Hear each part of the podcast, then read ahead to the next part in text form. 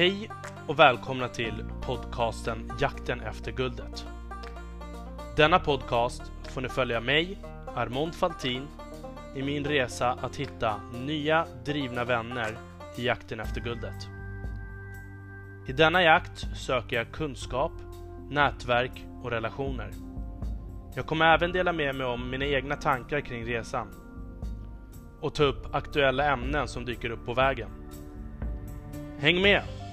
Ingenting är omöjligt. Men, eh, det här kommer nog bli jättebra. Det tror jag också. ja. Boken. Vad... eh, Hur när släppte du boken? I mars. I mars. Mm. Precis eh, när corona kom och eh, kullkastade hela våren. Kan man Mm. säga. Jag hade planerat att jag skulle ha två releasefester, en i Borås, min hemort, och en i Stockholm. Men jag fick ställa in båda två. Och eh, bokprat i bokhandeln och signeringar och sånt det ställdes också in. Det måste ha varit en tuff känsla. Hur, eh, hur kom det in? Kan du berätta lite om eh, titeln och hur du kom in på att skriva just den här boken? Ja, eh, det har ju varit en väldigt lång process. Kanske nästan ända sedan jag var liten egentligen. Jag har haft en dröm om att skriva en bok. Och eh, när jag började, när jag, eller när, jag kan säga så, när jag slutade på H&M, jag jobbade där i 16 år. Och eh, då ville jag göra någonting nytt, jag ville jobba mer med människor och jag ville bidra, jag ville beröra, jag ville berätta. Och när jag tittade på vad har jag gjort hittills, hur kan jag använda det jag har gjort för att eh, hjälpa så många som möjligt. Och för att ta reda på den här röda tråden i mitt liv så eh, la jag ut en massa papper på golvet där jag hade skrivit ner tillfällen när jag kände att jag kommer till min rätt. Här finns det någonting där jag har gjort skillnad. Och när jag ställde mig och tittade på de här lapparna som jag hade lagt ut så, känd, så såg jag väldigt, väldigt tydligt att eh, det handlar om att lyssna. Mm. Och det har jag gjort sedan jag var liten. Och sen har jag gjort det i mitt yrkesliv, fast inte eh, inom, ja, som terapeut eller, eller den biten, utan jag har lyssnat på kunder, jag har lyssnat på medarbetare och jag har samlat ihop en massa saker från runt om i världen. Och ditt namn är Annika Teleus. Och du har skrivit boken Konsten att lyssna. Ja, Välkommen till podcasten Jakten efter guldet. tack så mycket. Jättekul att vara här. Jag tänkte så här. Vi, jag såg ju dig på min LinkedIn i söndags tror jag det var. Och så ha, hade ju du någonting där i beskrivningen be- under ditt namn. Nu kommer inte jag ihåg direkt i huvudet vad du skrev. Var det konsten att lyssna eller vad har du under ditt namn på LinkedIn? Eh, lär dig att lyssna, tror jag det står. Ja, och jag kände så här. Det där är så himla inbjudande och avväpnande. Så jag var tvungen att lägga till dig. Och jag brukar ju alltid skriva någonting så fort jag lägger till någon på LinkedIn. Och du svarade ganska på en gång. Och nu är det liksom från söndag till tisdag idag. Haha. Så har vi redan en podd. Yes. och då kände jag att det här är en riktigt öppen och härlig person. Jag vill höra mer om dig. Och du hade ju skickat en presentationsvideo om din bok. Och jag blev helt tagen direkt. Och då kände jag att jag vill höra mer om dig. Vem är Annika Teleus? Var är du uppvuxen någonstans? Var har du gått i skolan? Och hur liksom vägvalen i livet? Mm. De har ju varit många. Ibland har de varit väldigt genomtänkta och ibland har det varit otroligt slumpartat. Eh, Ett jobb fick jag på grund av att jag på den tiden när man var i videoaffären och hyrde videofilm. För att jag hyrde videofilm den kvällen så fick jag ett jobb. För där sprang jag på en gammal klasskompis som precis hade blivit headhuntad och hon undrade om inte jag kanske ville ersätta henne på hennes tidigare jobb. Var, var är du uppvuxen någonstans? I Borås. Borås? Eller utanför Borås. Utanför? Ja. Var gick du i skolan någonstans och vilken linje och sådär? Först gick jag fyra år i maskinteknisk på gymnasiet. Maskintekniskt, vad gör man då? Eh, då konstruerar man kardanaxlar och sådana saker. Mm, sånt som inte jag kan. Nej. Eh, sen gjorde jag ett rätt drastiskt byte från att mer eller mindre ha gått i killklass på maskin. Så eh, läste jag textilekonomi på eh, Textilhögskolan i Borås. Och då var det tjejklass. Mm. Och efter textilekonomi, det var så du kom in på och valde H&M sen eller? Ja, det var några vänder innan dess, innan jag hamnade på H&M. Men det var absolut på den vägen. Mm. Alltså jag märker, jag har ju haft ah, hela tiden ah, när man intervjuar så är det så himla svårt att hitta en teknik och där vad man vill låta gästen berätta utan att förstöra berättelsen. Och jag märker att jag hoppar och ställer för mycket frågor. Så jag kanske bara ska låta dig berätta om eh, resan. Ja, tack. Ehm, ja, men jag, jag har väl haft det här lite duktiga flicka-syndromet. Och ehm, när jag var liten så fick jag en bok som hette just Duktiga Annika. Det var en sån här tecknad Elsa Beskow-bok. Och jag har varit nyfiken på hur, hur gammal var jag när jag fick den här boken om den här otroligt präktiga, duktiga flickan som hjälpte till. Och jag hittade den på vinden hemma hos mamma för några månader sedan. Och det står en dedikation från farmor och farfar till vårt duktiga barnbarn på sex månaders dagen. Så redan när jag var sex månader så fick jag den här boken och det, det har väl på sätt och vis präglat mig. Jag har varit duktig. Mm. Jag gjorde lite där som man skulle göra. Jag träffade en kille när jag gick på gymnasiet. Vi flyttade ihop, vi gifte oss, vi köpte hus. Och sen plötsligt så började jag fundera på, ja men vart tog jag vägen? Jag hade skaffat mig en utbildning, det var liksom dags att skaffa barn. Och vi pratade, när vi hade köpt det här huset och vi pratade om, ja men vad ska vi, hur ska vi ha det här i huset när vi, är, eh, när vi får barn och vad ska vi göra när barnen flyttar hemifrån? Och vi hade inte ens fått barn. Och då blev jag lite ställd och tänkte att ja men är det klart? Och vart tog jag vägen i det här? Är det här vad jag vill? Eller gör jag någonting som förväntas av mig? Och det ledde fram till en, eh, en brytpunkt i mitt liv där jag eh, bestämde mig för att ta chansen att lyssna på mig själv. Vad är det jag vill? Vad är det jag vill göra? Och det ledde till att eh, vi skilde oss. Vi sålde huset. Det var en rätt lång process, riktigt så enkelt var det inte. Och eh, några år senare så eh, flyttade jag till Stockholm. Och eh, då hade jag fått jobbet på H&M. Jag hade jobbat några år tidigare inom e-handel. Eller eller jag hade startat upp e-handel på ett företag som då var postorderföretag. Det här var i, på 90-talet. Och det var en väldigt, väldigt spännande resa. Sen hade jag börjat jobba på H&M och i och med det så fick jag chansen att flytta till Stockholm. Och det kändes väldigt spännande. Så, så började resan på H&M. Och eh, på H&M så arbetade du som... Jag blev anställd som kreativ analytiker. Och jag jobbade mycket med katalogproduktion på den tiden. Hur skulle vi göra? Hur skulle vi presentera saker? Vi gjorde till och med... Idag inom e-handel så jobbar man ju mycket med A B-testning där man gör olika versioner och så ser man eh, klickar folk mest här eller där och så bestämmer man snabbt eh, vilken version man ska göra. Men vi gjorde samma sak i kataloger. Där var det ju väldigt mycket tyngre jobbat. Mm. För vi tryckte helt enkelt två versioner av katalogen för att lära oss vad hände om vi hade det här priset eller det här priset eller eh, den här färgen stort. Sen kunde vi ju inte göra något åt det egentligen mer än att vi kunde samla kunskap.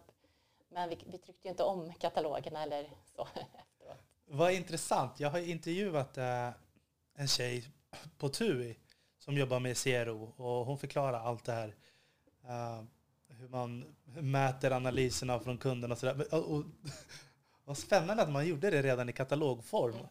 Och du var där redan på, när, vilken tid var det här? Ja, 90-talet. 90-talet? Mm. Ja, men det, allting går bara över. Det betyder inte att det inte har funnits tidigare. Eh, när man kommer in, ja men det, det är spännande, spännande. Vad hände sen då? Eh, sen, då hade jag ju köpt lägenhet i Stockholm och eh, blev kär i grannen. Rev väggen när vi gifte oss och eh, fick en son. eh, och på H&M så blev jobbet allt mer globalt. Och jag kommer jobba mycket med tester och utvärdering även i butik och eh, mycket att lyssna på kunder. Jag gjorde mycket fokusgrupper där vi eh, bjöd in kunder till ett samtal där jag ledde ett samtal på ett givet ämne och försökte få alla att komma till tals och, utan att eh, tala om i förväg eller att vara så öppen i frågeställningarna så att jag inte skulle tala om vad de skulle tycka utan vara helt eh, öppen för vad de tyckte. Mm. Och också att det var okej okay att tycka olika eller att komma med eh, kritik. Att det var lika värdefullt. Hur var mångfaldsarbetet och sådär där då?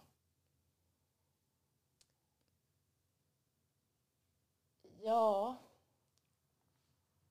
In, jag var ju ute på olika ställen så att det var ju i exempelvis i Korea och lyssnade på kunder där.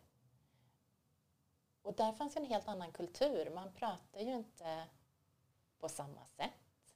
Vad som är viktigt för en är olika. Så att där försökte man ju fånga upp yttringar från olika ställen. Vilka, vilka influenser fanns? Vad, vad hade man för värderingar? Hur såg man på H&M på olika ställen? Hur var det skillnaden i Asien och USA och Europa? Alltså, det låter som så himla spännande eh, jobb som du har gjort. Hur länge är du ute på dem när du åker till Korea till exempel? Hur länge är du där? Och... Just i Korea var vi nog bara en vecka. Jag tror att jag landade på söndag. Vi gjorde fokusgrupper på måndagen och tisdagen. Vi satt alltså och lyssnade in på de här grupperna. Jag tror att vi hade fyra stycken en dag. Och, då är man ju, och de tog kanske två timmar varje grupp. Då är man rätt så slut. Mm. Eh, på tisdagskvällen hade vi samlat in allt material. Och eh, min kollega och jag, vi satt onsdagen och torsdagen och sammanställde allt material. Klippte ihop en film, satte ihop ett presentationsmaterial. Och på fredagen så presenterade vi det för landskontoret i Korea innan vi åkte hem. Så det var intensivt. Jag tror aldrig att jag jobbat så mycket under en vecka som jag gjorde under just den veckan. Men ändå så himla alltså, Du har förklarat lite för lite. Jag tycker du verkar ha haft en otroligt spännande roll. Jag har ju lyssnat på dig i uh, andra poddar och då har du ju åkt till andra länder. Alltså vad är det för yrkesroll som... Vad innebar yrkesrollen? Ja, men det var mer ett kundinsiktsarbete. Vad kan vi lära av våra kunder? Så du åkte till olika länder då och eh, tog in olika analyser och sammanställde dem till Sverige då, eller? Ja, det var lite olika. Ibland kunde det vara exempelvis som H&M Home som skulle lansera någonstans som var nyfiken på en marknad. Eller så kunde det vara som, som i Japan där eh, landschefen var intresserad av hur ser våra kunder på H&M och våra butiker.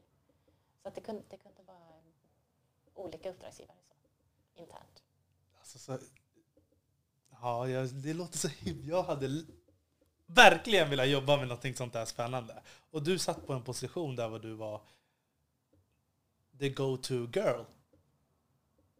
Ja, när jag fick eh, det jobbet, eh, när jag började med just den här typen av grejer så var tanken, vi skulle mäta, blir det, blir det ett bra utfall? För det var, då var det en test. Eh, och då sa min chef att ja, men Annika, målet är att till jul, jag tror att vi satt ner i mars, eh, till jul så ringer funktionscheferna dig om de vill veta något. Så att det, det var liksom, eh, hade vi nått dit så skulle jag få fortsätta jobba. Mm. Hade du, har du haft planer då hela tiden om att eh, klättra i karriärstegen och sådär? Nej, jag hade vid ett eh, tillfälle en väldigt stark längtan efter att pröva att vara chef. Men i övrigt så har det nog ehm, mest varit möjligheter som har öppnat sig. Och som eh, jag har tagit när de har dykt upp. Mm. Några alltså, andra spännande saker som har hänt under resan då? För att du har ändå skrivit en bok om allt ditt lyssnande och sådär. Så har det hänt någon händelse som har fått dig att ändra på riktning och sådär?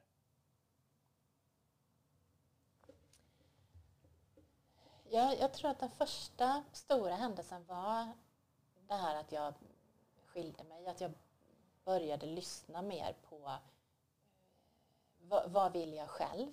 Vad känner jag? Vad tror jag att andra förväntar sig av mig? Och att försöka skilja dem åt. Så det var nog ett väldigt stort steg och det var den första lite eh, protesten mot det här duktiga Annika-beteendet. Att eh, det var kanske inte så populärt i alla led. Men jag, jag gjorde det. Det var jättejobbigt. Men idag är jag väldigt stolt över att jag lyssnade på mig själv. Så det var, det var nog första. Sen har det väl varit så här där jag har varit på arbetsplatser där jag har känt att ja, men här kommer jag inte till min rätt. Mm. Och att i det också lyssna på mig själv och känna att nej men det här är, eh, jag kommer inte till mer rätt, jag behöver göra någonting annat. Så det har känts också som en sån viktig grej att, att våga lyssna på mig själv. Och eh, jag har ju haft fantastiskt roligt på H&M och gjort många olika saker. Men också att sen att nej men jag har en dröm. Jag vill försöka genomföra den. Och jag behöver se någonting som är utanför H&M's väggar. Det är en lite speciell kultur. Mm. Och jag trivs väldigt, väldigt bra där. Men också att jag behöver se någonting annat. Jag behöver göra någonting nytt. Och utmana mig själv för att växa. Att inte, inte fastna lite i den där känslan oj, är, vi klar, är jag klar nu? Nu sitter jag och gör det här resten av livet. Lite den känslan jag fick av det där huset. Att nu, är det klart. Mm. Nu ska jag vara här. Du hade varit på någon var det föreläsning, föreläsningar och du sa att du inte kände någon gåshud längre eller? Mm. Ehm, när, när jag hade skilt mig så, var jag, äh, så kände jag lite grann att jag hade tappat bort mig själv. Jag visste inte vad jag tyckte var roligt. Och i det fallet så, eller precis i den vevan så hade den arbetsplatsen jag var på bjudit in en kille som var inspirationsföreläsare. Och han ställer sig på scen och är otroligt inspirerande. Han är jätteinspirerande! Huhu! Och, och, kanske lite för, för inspirerande i min smak. Men jag, jag gav det en chans och jag tyckte ändå att, ja men vänta lite, här, här kommer en spännande sak. För han ställde sig och så säger han, tänk dig fem år framåt i tiden. Och gå dit, ställ dig fem år in i framtiden och vänd dig om och se vad som har hänt de här fem åren. Och gör en lista. Gör en lista på saker du har uppnått. Det kan vara saker du har eh, skaffat, egenskaper du har utvecklat, platser du har besökt. Men gör den här listan så lång att den blir minst 100 punkter. Och jag tänkte, oj, oj, oj, 100 punkter. Han överdriver också. Han är inte bara Åda! entusiastisk, utan han tycker att vi ska göra 100 punkter. Uh! Um, och då menade han att ja, men om du gör tio punkter, då hamnar du i det där lite grann som jag hade hamnat i. V vad förväntar du dig, vad förväntar sig andra att du ska göra? För tio punkter, då blir det ja, men kanske ett bättre boende, en ny bil, ett bättre jobb och så ska jag åka till Mexiko och så ska jag göra. Hamnar du på hundra punkter så händer det någonting med vem du är. Så jag gick därifrån och så tänkte jag att ja, men jag gör ett försök. Jag vet ju ändå inte vad jag vill eller vad jag tycker är roligt. Jag, jag chansar. Jag sätter mig ner. Och jag skulle iväg efter en timme. Och så tänkte jag att ja, men jag tar den där timmen. Jag sätter mig ner. Det kan hända att det inte kommer ut någonting. Men då har jag ju inte förlorat någonting heller, mer än en timme av mitt liv. Så jag tänkte att jag ska skapa goda förutsättningar. Så jag tänder ett ljus, jag kokar te, jag sätter mig med papper och penna. Och när det har gått en timme så har jag en lista med 86 punkter. Wow. Ja, precis så kände jag också. Wow, jag vill så mycket saker och jag hade inte tillgång till det här för en timme sedan. Och jag såg att det fanns, även där fanns det röda trådar som löpte igenom. Jag ville vara utomhus mer. Jag ville ehm, skapa, jag ville sy, jag ville sticka, jag ville skriva, jag ville måla. Saker som jag hade slutat göra. Och så ville jag bjuda hem kompisar på te, jag ville pröva att åka vattenskidor, jag ville åka till Mexiko. Det fanns massor med saker som jag verkligen ville göra. Men hade skjutit åt sidan då eller för? Jag har inte tänkt på att jag ville, inte haft tillgång till. Helt uppslukad av arbete och familjeliv eller? Ja, och lite präktighet och som att sy och sticka. Det trodde jag att jag gjorde under min studietid för att jag hade dåligt med pengar. För att jag skulle liksom spara pengar och sy själv. Och, så, och när jag hade fått mer pengar och börjat jobba så, så hade jag tappat bort det här. Då gjorde jag inte det längre. Och sen så insåg jag att ja, men jag har ju tappat bort en del av kreativiteten. För det här är ju någonting att skapa. Det, det tycker jag är roligt. Men jag hade lite grann förlagt det.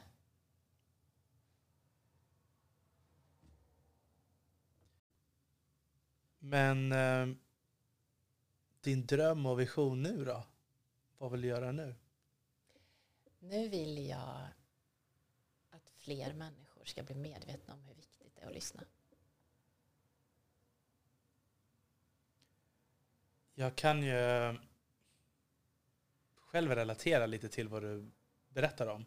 Jag fastnade också en period i mitt liv när man trodde att du ska fixa lägenhet, du ska arbeta, du ska vara duktig. Och jag har ju alltid varit en eh, röd karaktär, kan man säga. Röd-gul, eh, så att jag har alltid varit på äventyr. Och sen helt plötsligt, när äventyret är borta, så förstår man inte vad det är som händer. Hur tycker du, spelar de här färgerna, personlighetsrollfärgerna, någon roll i hur man ska lyssna på sig själv eller hur man lyssnar på andra och sådär? Vad är du för färg? Ja. Eh, det jag tycker kan vara lite svårt när man pratar om de här olika färgerna är att man ibland fastnar i att jag är sån eller jag är sån och du är ju sån där. Och därför funkar inte eller du är ju alltid sån och därför inte. Så jag försöker undvika att plocka in människor i de här typerna av fack. För jag har märkt så många gånger att man stoppar in en människa i ett fack och sen låter man inte den människan flytta på sig.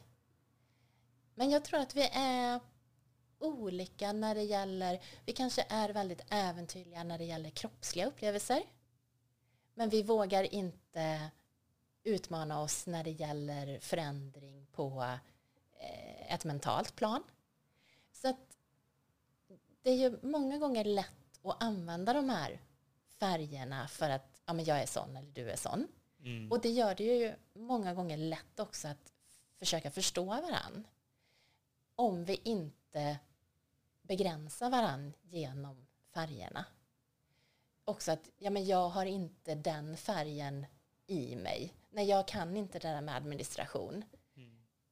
Fast om ingen annan gör det så behöver jag ju steppa in och göra den formen.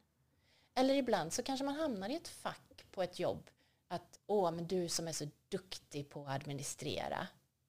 Jo, men jag har tagit den rollen för att ingen annan, egentligen är jag en annan typ av människa. Och jag trivs inte i den här rollen, men jag gör det jättebra. Men vi är ju olika och vi är olika i olika sällskap. Vi är olika utifrån dagsform. Men sen så har vi ju karaktärsdrag som, som eh, finns hos oss. Mm. Jag förstår exakt vad du menar, jag håller med. Jag tycker att bara det har varit enkelt att ge en beskrivning om sig själv, eh, eller om någon annan vill ge en beskrivning om hur de är. För mig är det bara, som jag skrev till dig i början, lyssna är nog min svåraste, det är min största svaghet. Samtidigt som jag tycker att jag lyssnar. Men nu fortsätter du bara att gnaga om samma grej. Och det är där jag slutar lyssna. Men... Eh, ja, jag vet inte vad jag ska säga. Nej, skulle du vilja att det blev annorlunda? Det är klart att det, det är en svaghet som jag måste träna på. Det säger jag mina kompisar hela tiden. Du måste lära dig att lyssna. Du måste tona ner det. Du måste tona ner det. Det är det jag får höra hela tiden.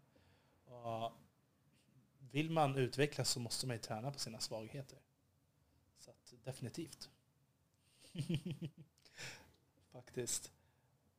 Men vad är ditt guld nu då? Har du något guld som någon riktig dröm som du vill uppfylla? Ja, att, att få skriva en bok, att ge ut en bok, det har ju varit en enorm dröm och helt fantastisk resa att få göra det här. Eh, jag drömmer om att den ska nå ännu fler. Att det ska bli en riktig sån här snackis. Att, ja, men, att sätta... Jag tycker det är, det är väldigt mycket självklarheter i boken. Och det är mycket små tips, konkreta saker som man kan göra.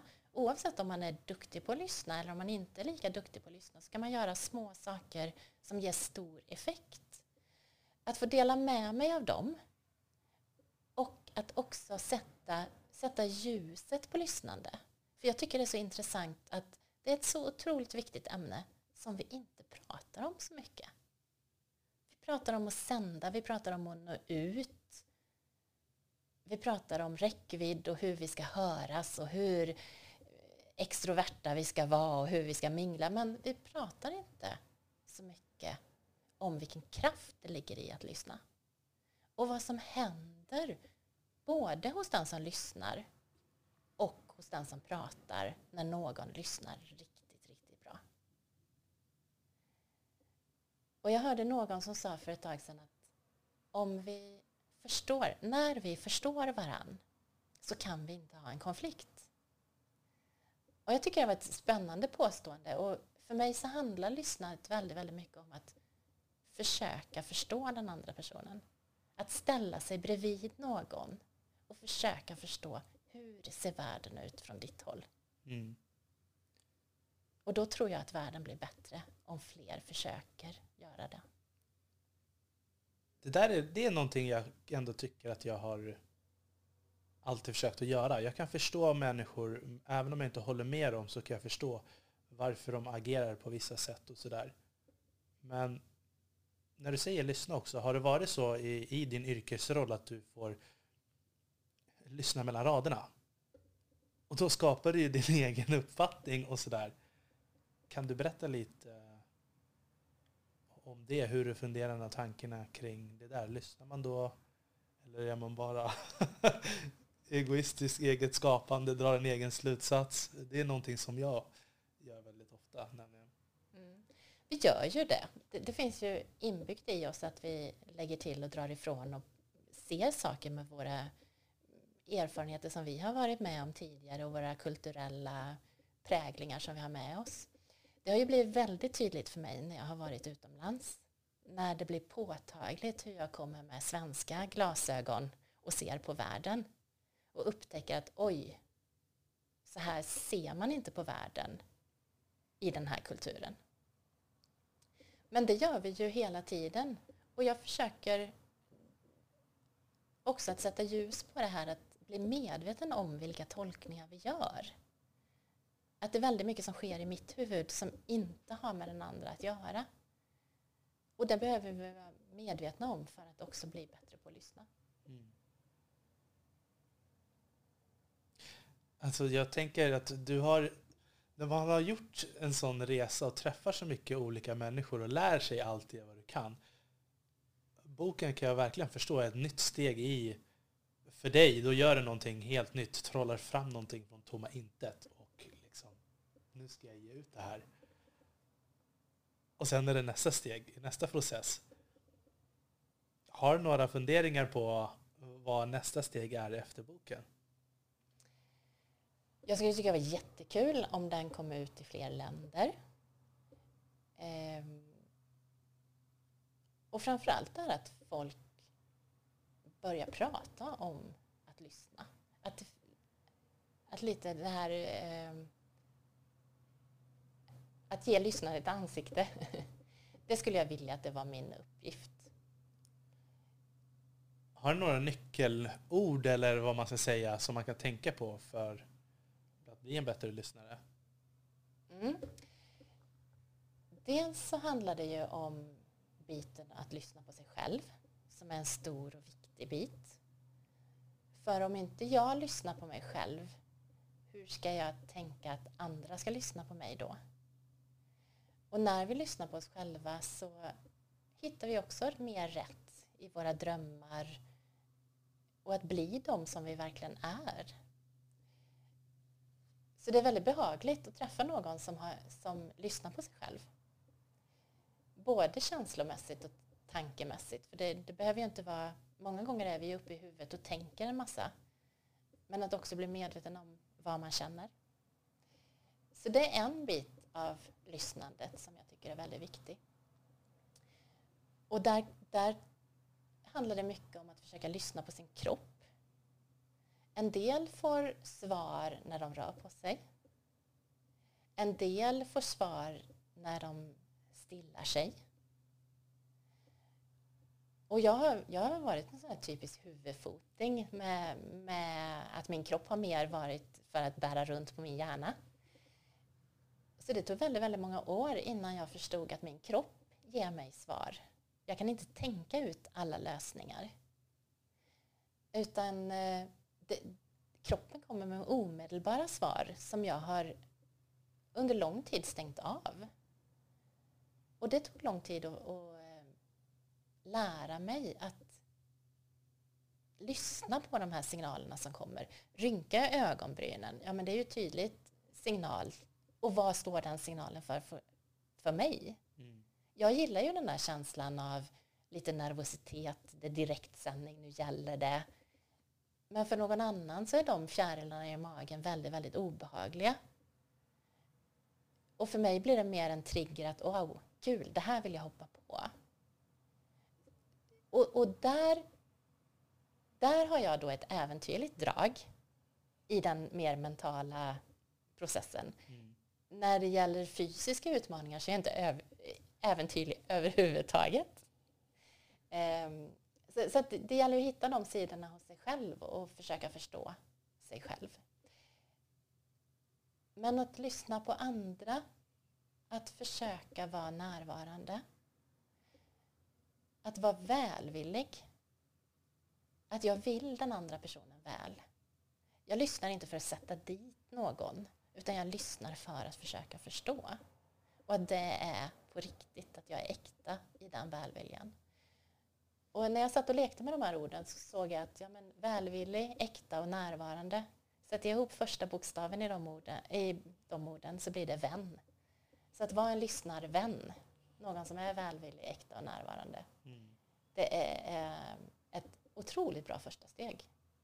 Att bli medveten om sina tolkningar. Hur tolkar jag det här utifrån vad som har hänt mig tidigare? Utifrån det humöret jag är på just nu. För det påverkar ju också om jag är snäll i mina tolkningar eller om jag dömer. Mm. För just dömandet, alltså där skulle jag aldrig ha gjort. Då har vi ju tagit eh, ställning till att det, det sättet du gör på är inte riktigt. Det är mitt sätt som är det riktiga. Så att bli medveten om hur snabbt och försöka kliva ur det dömande och närma sig med ett mycket- större nyfikenhet och en vilja att försöka förstå. Mm. Då har man kommit jättelångt. Och att faktiskt våga använda sin kropp även här. För den där nyfikenheten att sätta sig som om man lyssnar. Jag gör den övningen ibland när jag föreläser. Jag försöker... Det, ja. Det är så himla svårt att sätta sig. Hur gör man? Har jag benen i kors, då lyssnar jag inte. Eller har jag ja, men hur skulle du sätta dig nu om du lyssnar riktigt, någon som lyssnar riktigt, Jag- riktigt bra? sitter jättebekvämt så här. Ja. Då kan jag slappna av, jag kan lyssna och så, så vet jag att jag lyssnar som bäst om jag kanske stirrar ut någonstans. Ja. Och inte har fokus ögonkontakt. Men har jag fokus ögonkontakt då kan det vara dels att jag anstränger mig på att hålla ögonkontakt mer än att lyssna. Och sen samtidigt som jag kanske stressar den som man tittar på. Uh, vad, ty- vad tycker du om... Du läser du mitt kroppsspråk nu och ser att han är stängd? Ja, nej. ehm, det är väl lite grann, ja men precis som färgerna, att vi kategoriserar och det gör vi med kroppsspråk också. Jag tror att ett stort leende kompenserar armar i kors. Så att attityden går före många gånger. Även om vi kommunicerar mycket med våra, våra kroppar. Men just den här frågan, när jag, när jag säger i en föreläsning att ja, men sätt er som om ni inte lyssnar. Och omedelbart, det kan åka fram telefoner och folk vänder och vrider och skruvar på sig och tittar långt bort och vänder ryggen till och så här. Och sen, ja men sätt er som om ni lyssnar riktigt, riktigt bra. Och det blir ett betydligt mer framåtlutat. Det här är ju också personligt, naturligtvis. Men det är ändå spännande att se att de flesta har någonting som händer i kroppen. Att det är en skillnad mellan att sitta som om man inte lyssnar och att sitta som om man lyssnar. Och sen kan det vara olika. Jag har en kompis som han lyssnar allra bäst när han blundar. Mm. Men det är bra för mig att veta att han inte zoomar ut utan att han tvärtom zoomar in när han gör det. Så det kan ju vara bra att informera folk runt omkring om, om man har de här eh, extrembeteenden. Ja, precis. Nej, men jag, jag, jag är en sån som... När jag zoomar ut, det är då jag lyssnar som bäst. För det är som när man lyssnar på musik eller någonting och hörlurar. Blundar man, det är då man lyssnar. Du sitter framåtlutande och du berättar och lyssnar samtidigt. Är det din stil? Eller har du... Ja, det är det nog. Mm. Att lyssna på andra, det är det absolut svåraste. Hur är det om du känner att du har lyssnat på personen men personen inte har lyssnat på sig själv? Åh, vilken spännande fråga.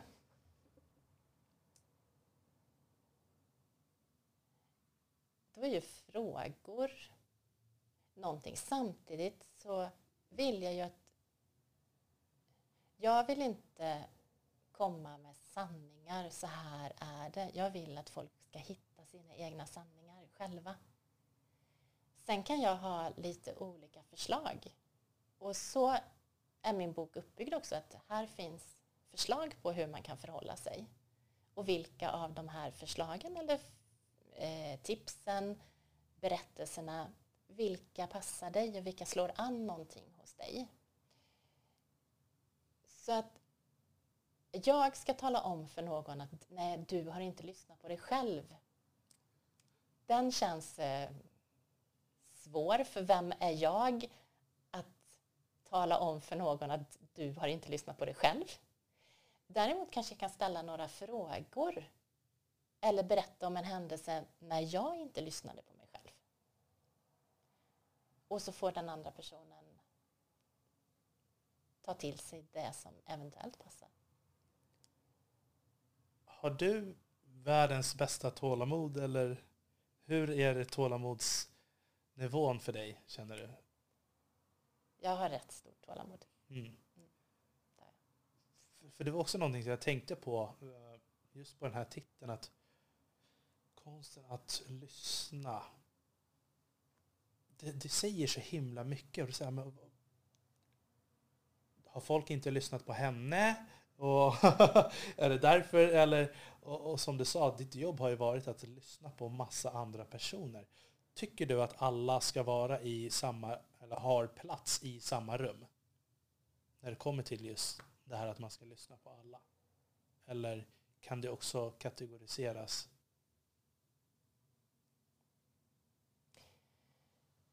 Jag tror att vi behöver rent generellt ha en balans mellan att lyssna och att bli lyssnade på. Många gånger finns det ju på en arbetsplats de som tar mycket plats och hörs. Och så finns det de som inte kommer till tals. Jag tror att vi många gånger missar de som inte kommer till tals. För många gånger så har de funderat ett par varv och har väldigt mycket att säga om de blir inbjudna. Så där behöver vi se till, och där, där finns ju otroligt mycket forskning på att grupper som fungerar riktigt, riktigt bra och är både kreativa och produktiva, det är grupper där alla känner sig lyssnade på och där man turas om att prata. Mm. Sen finns det ju en, eh, bara för att man lyssnar så behöver man ju inte hålla med, som du var inne på tidigare. Och det finns ju de som har helt åsikter som går stick i stäv eller där de trycker ut sina åsikter som är av ett slag som jag inte ens vill lyssna på. Och då kanske jag ska säga att jag förstår vart du är på väg men jag vill inte följa med längre. För då har jag gjort tydligt både för mig själv att jag, jag vill faktiskt inte sitta och lyssna på det här. Mm. Men också för den andra att jag förstår att du behöver bli lyssnad på men jag, jag kan inte göra det. Har du hamnat i de här situationerna på jobbet? Jag har väl varit med om att eh, hamna i grupper där man inte fördelar ordet riktigt. Där det är några som tar mer plats. Och eh, nu när jag har jobbat med det här och blivit medveten om det så är det ju eh, det finns rätt enkla metoder för att se till att alla känner sig lyssnade på i en grupp. Och också för att få de som pratar väldigt mycket att bli medvetna om hur mycket de pratar. Ursäkta att jag skrattar, men jag, jag tar till mig allt det här till mig själv. För att jag vet att jag kan vara den personen som kanske pratar. Och, men jag vill verkligen lyfta andra, höra andras. Så att jag vet att det här handlar inte om mig, men ändå på ett sätt så gör det, så jag skrattar.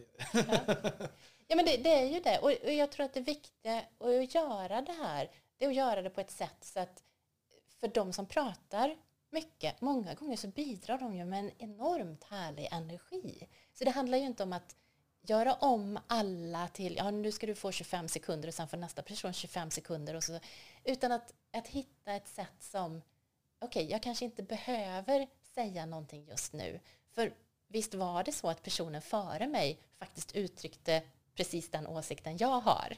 Då behöver inte jag säga mer än att jag håller med dig. Mm. Jag behöver inte säga det en gång till bara för att få höra min egen röst. Mm.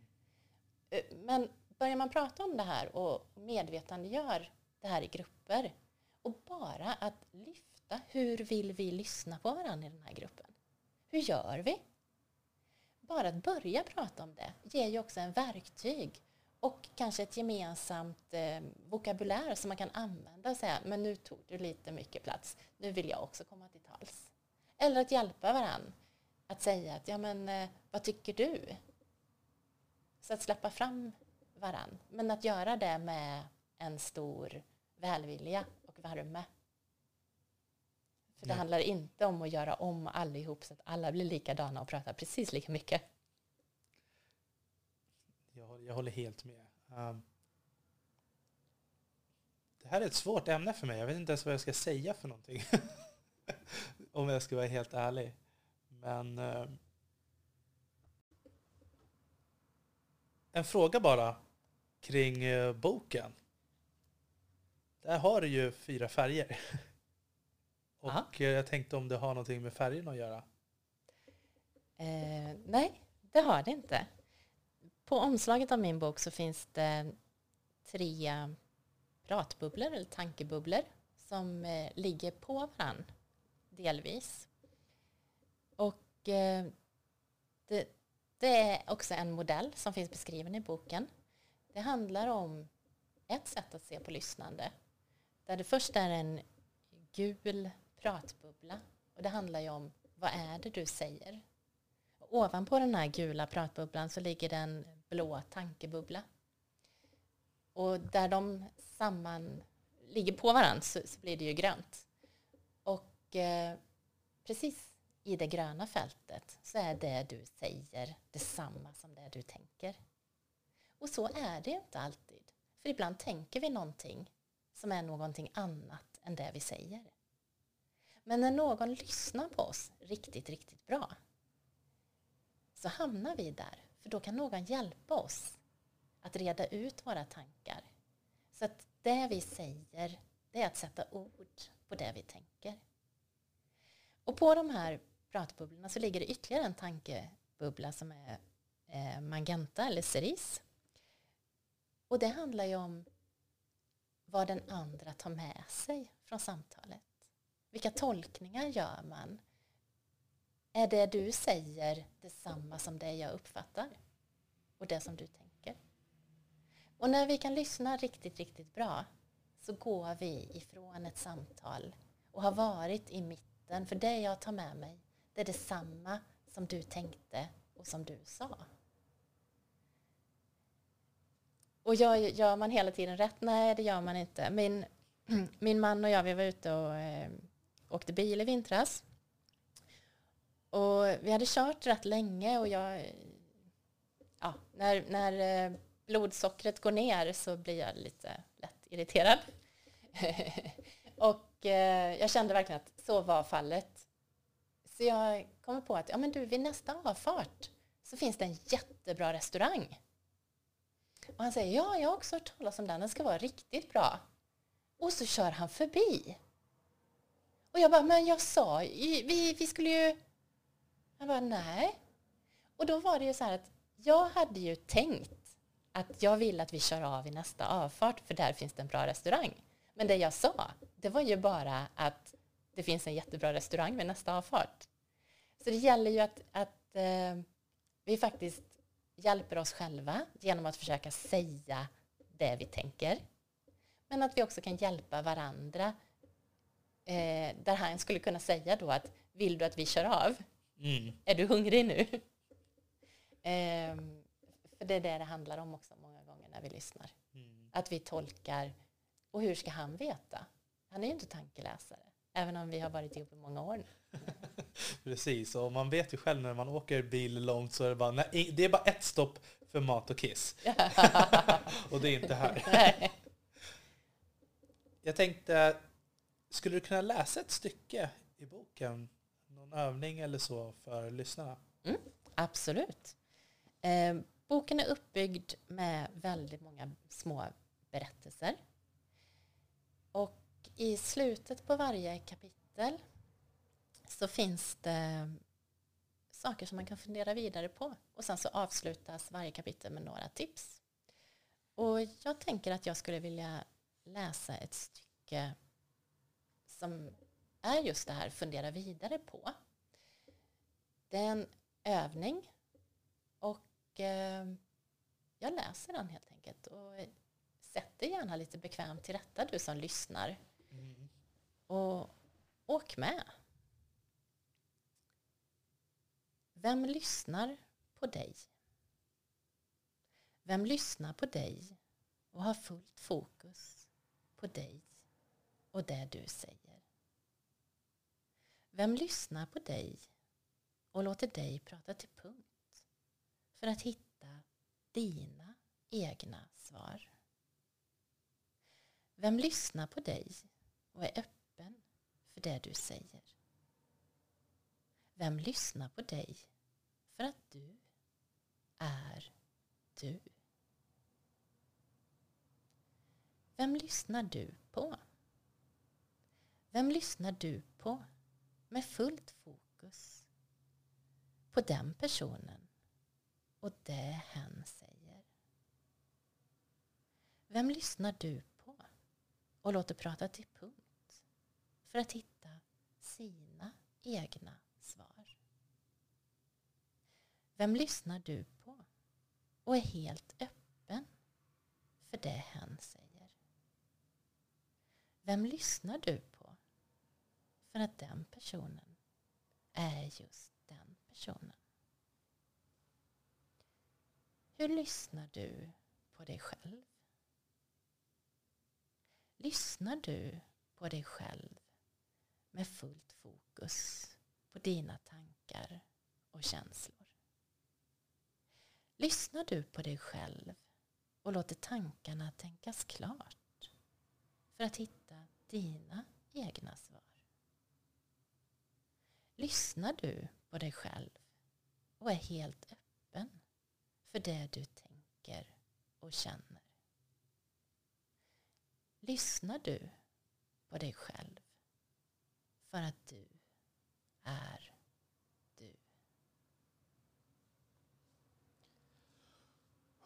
Jag blev så himla lugn och bara höra det här. Jag, hela kroppen blev avslappnad. Och som du ser direkt när jag lyssnar så tittar jag bort. Och jag vet att lyssnarna kommer älska det här.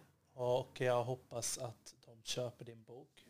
Var kan man hitta dig om någon vill komma i kontakt med dig? Jag har en hemsida som heter eh, www.annikateleus.com. Där finns jag. Jag finns på LinkedIn. Eh, så att eh, det är bara, där finns också kontaktuppgifter på, för att komma i kontakt med mig. Och du är öppen för att folk kommer i kontakt med dig och sådär? Ja då, Mm. det är jag. Då får jag tacka jättemycket Annika Teleus att du kom och gästade podden Jakten efter guldet. Tack så mycket. Tack för att jag fick komma. Jättekul att vara här. Till er andra där ute, vi hörs igen nästa vecka. Jakten efter guldet mina vänner med vänliga hälsningar Armon Faltin.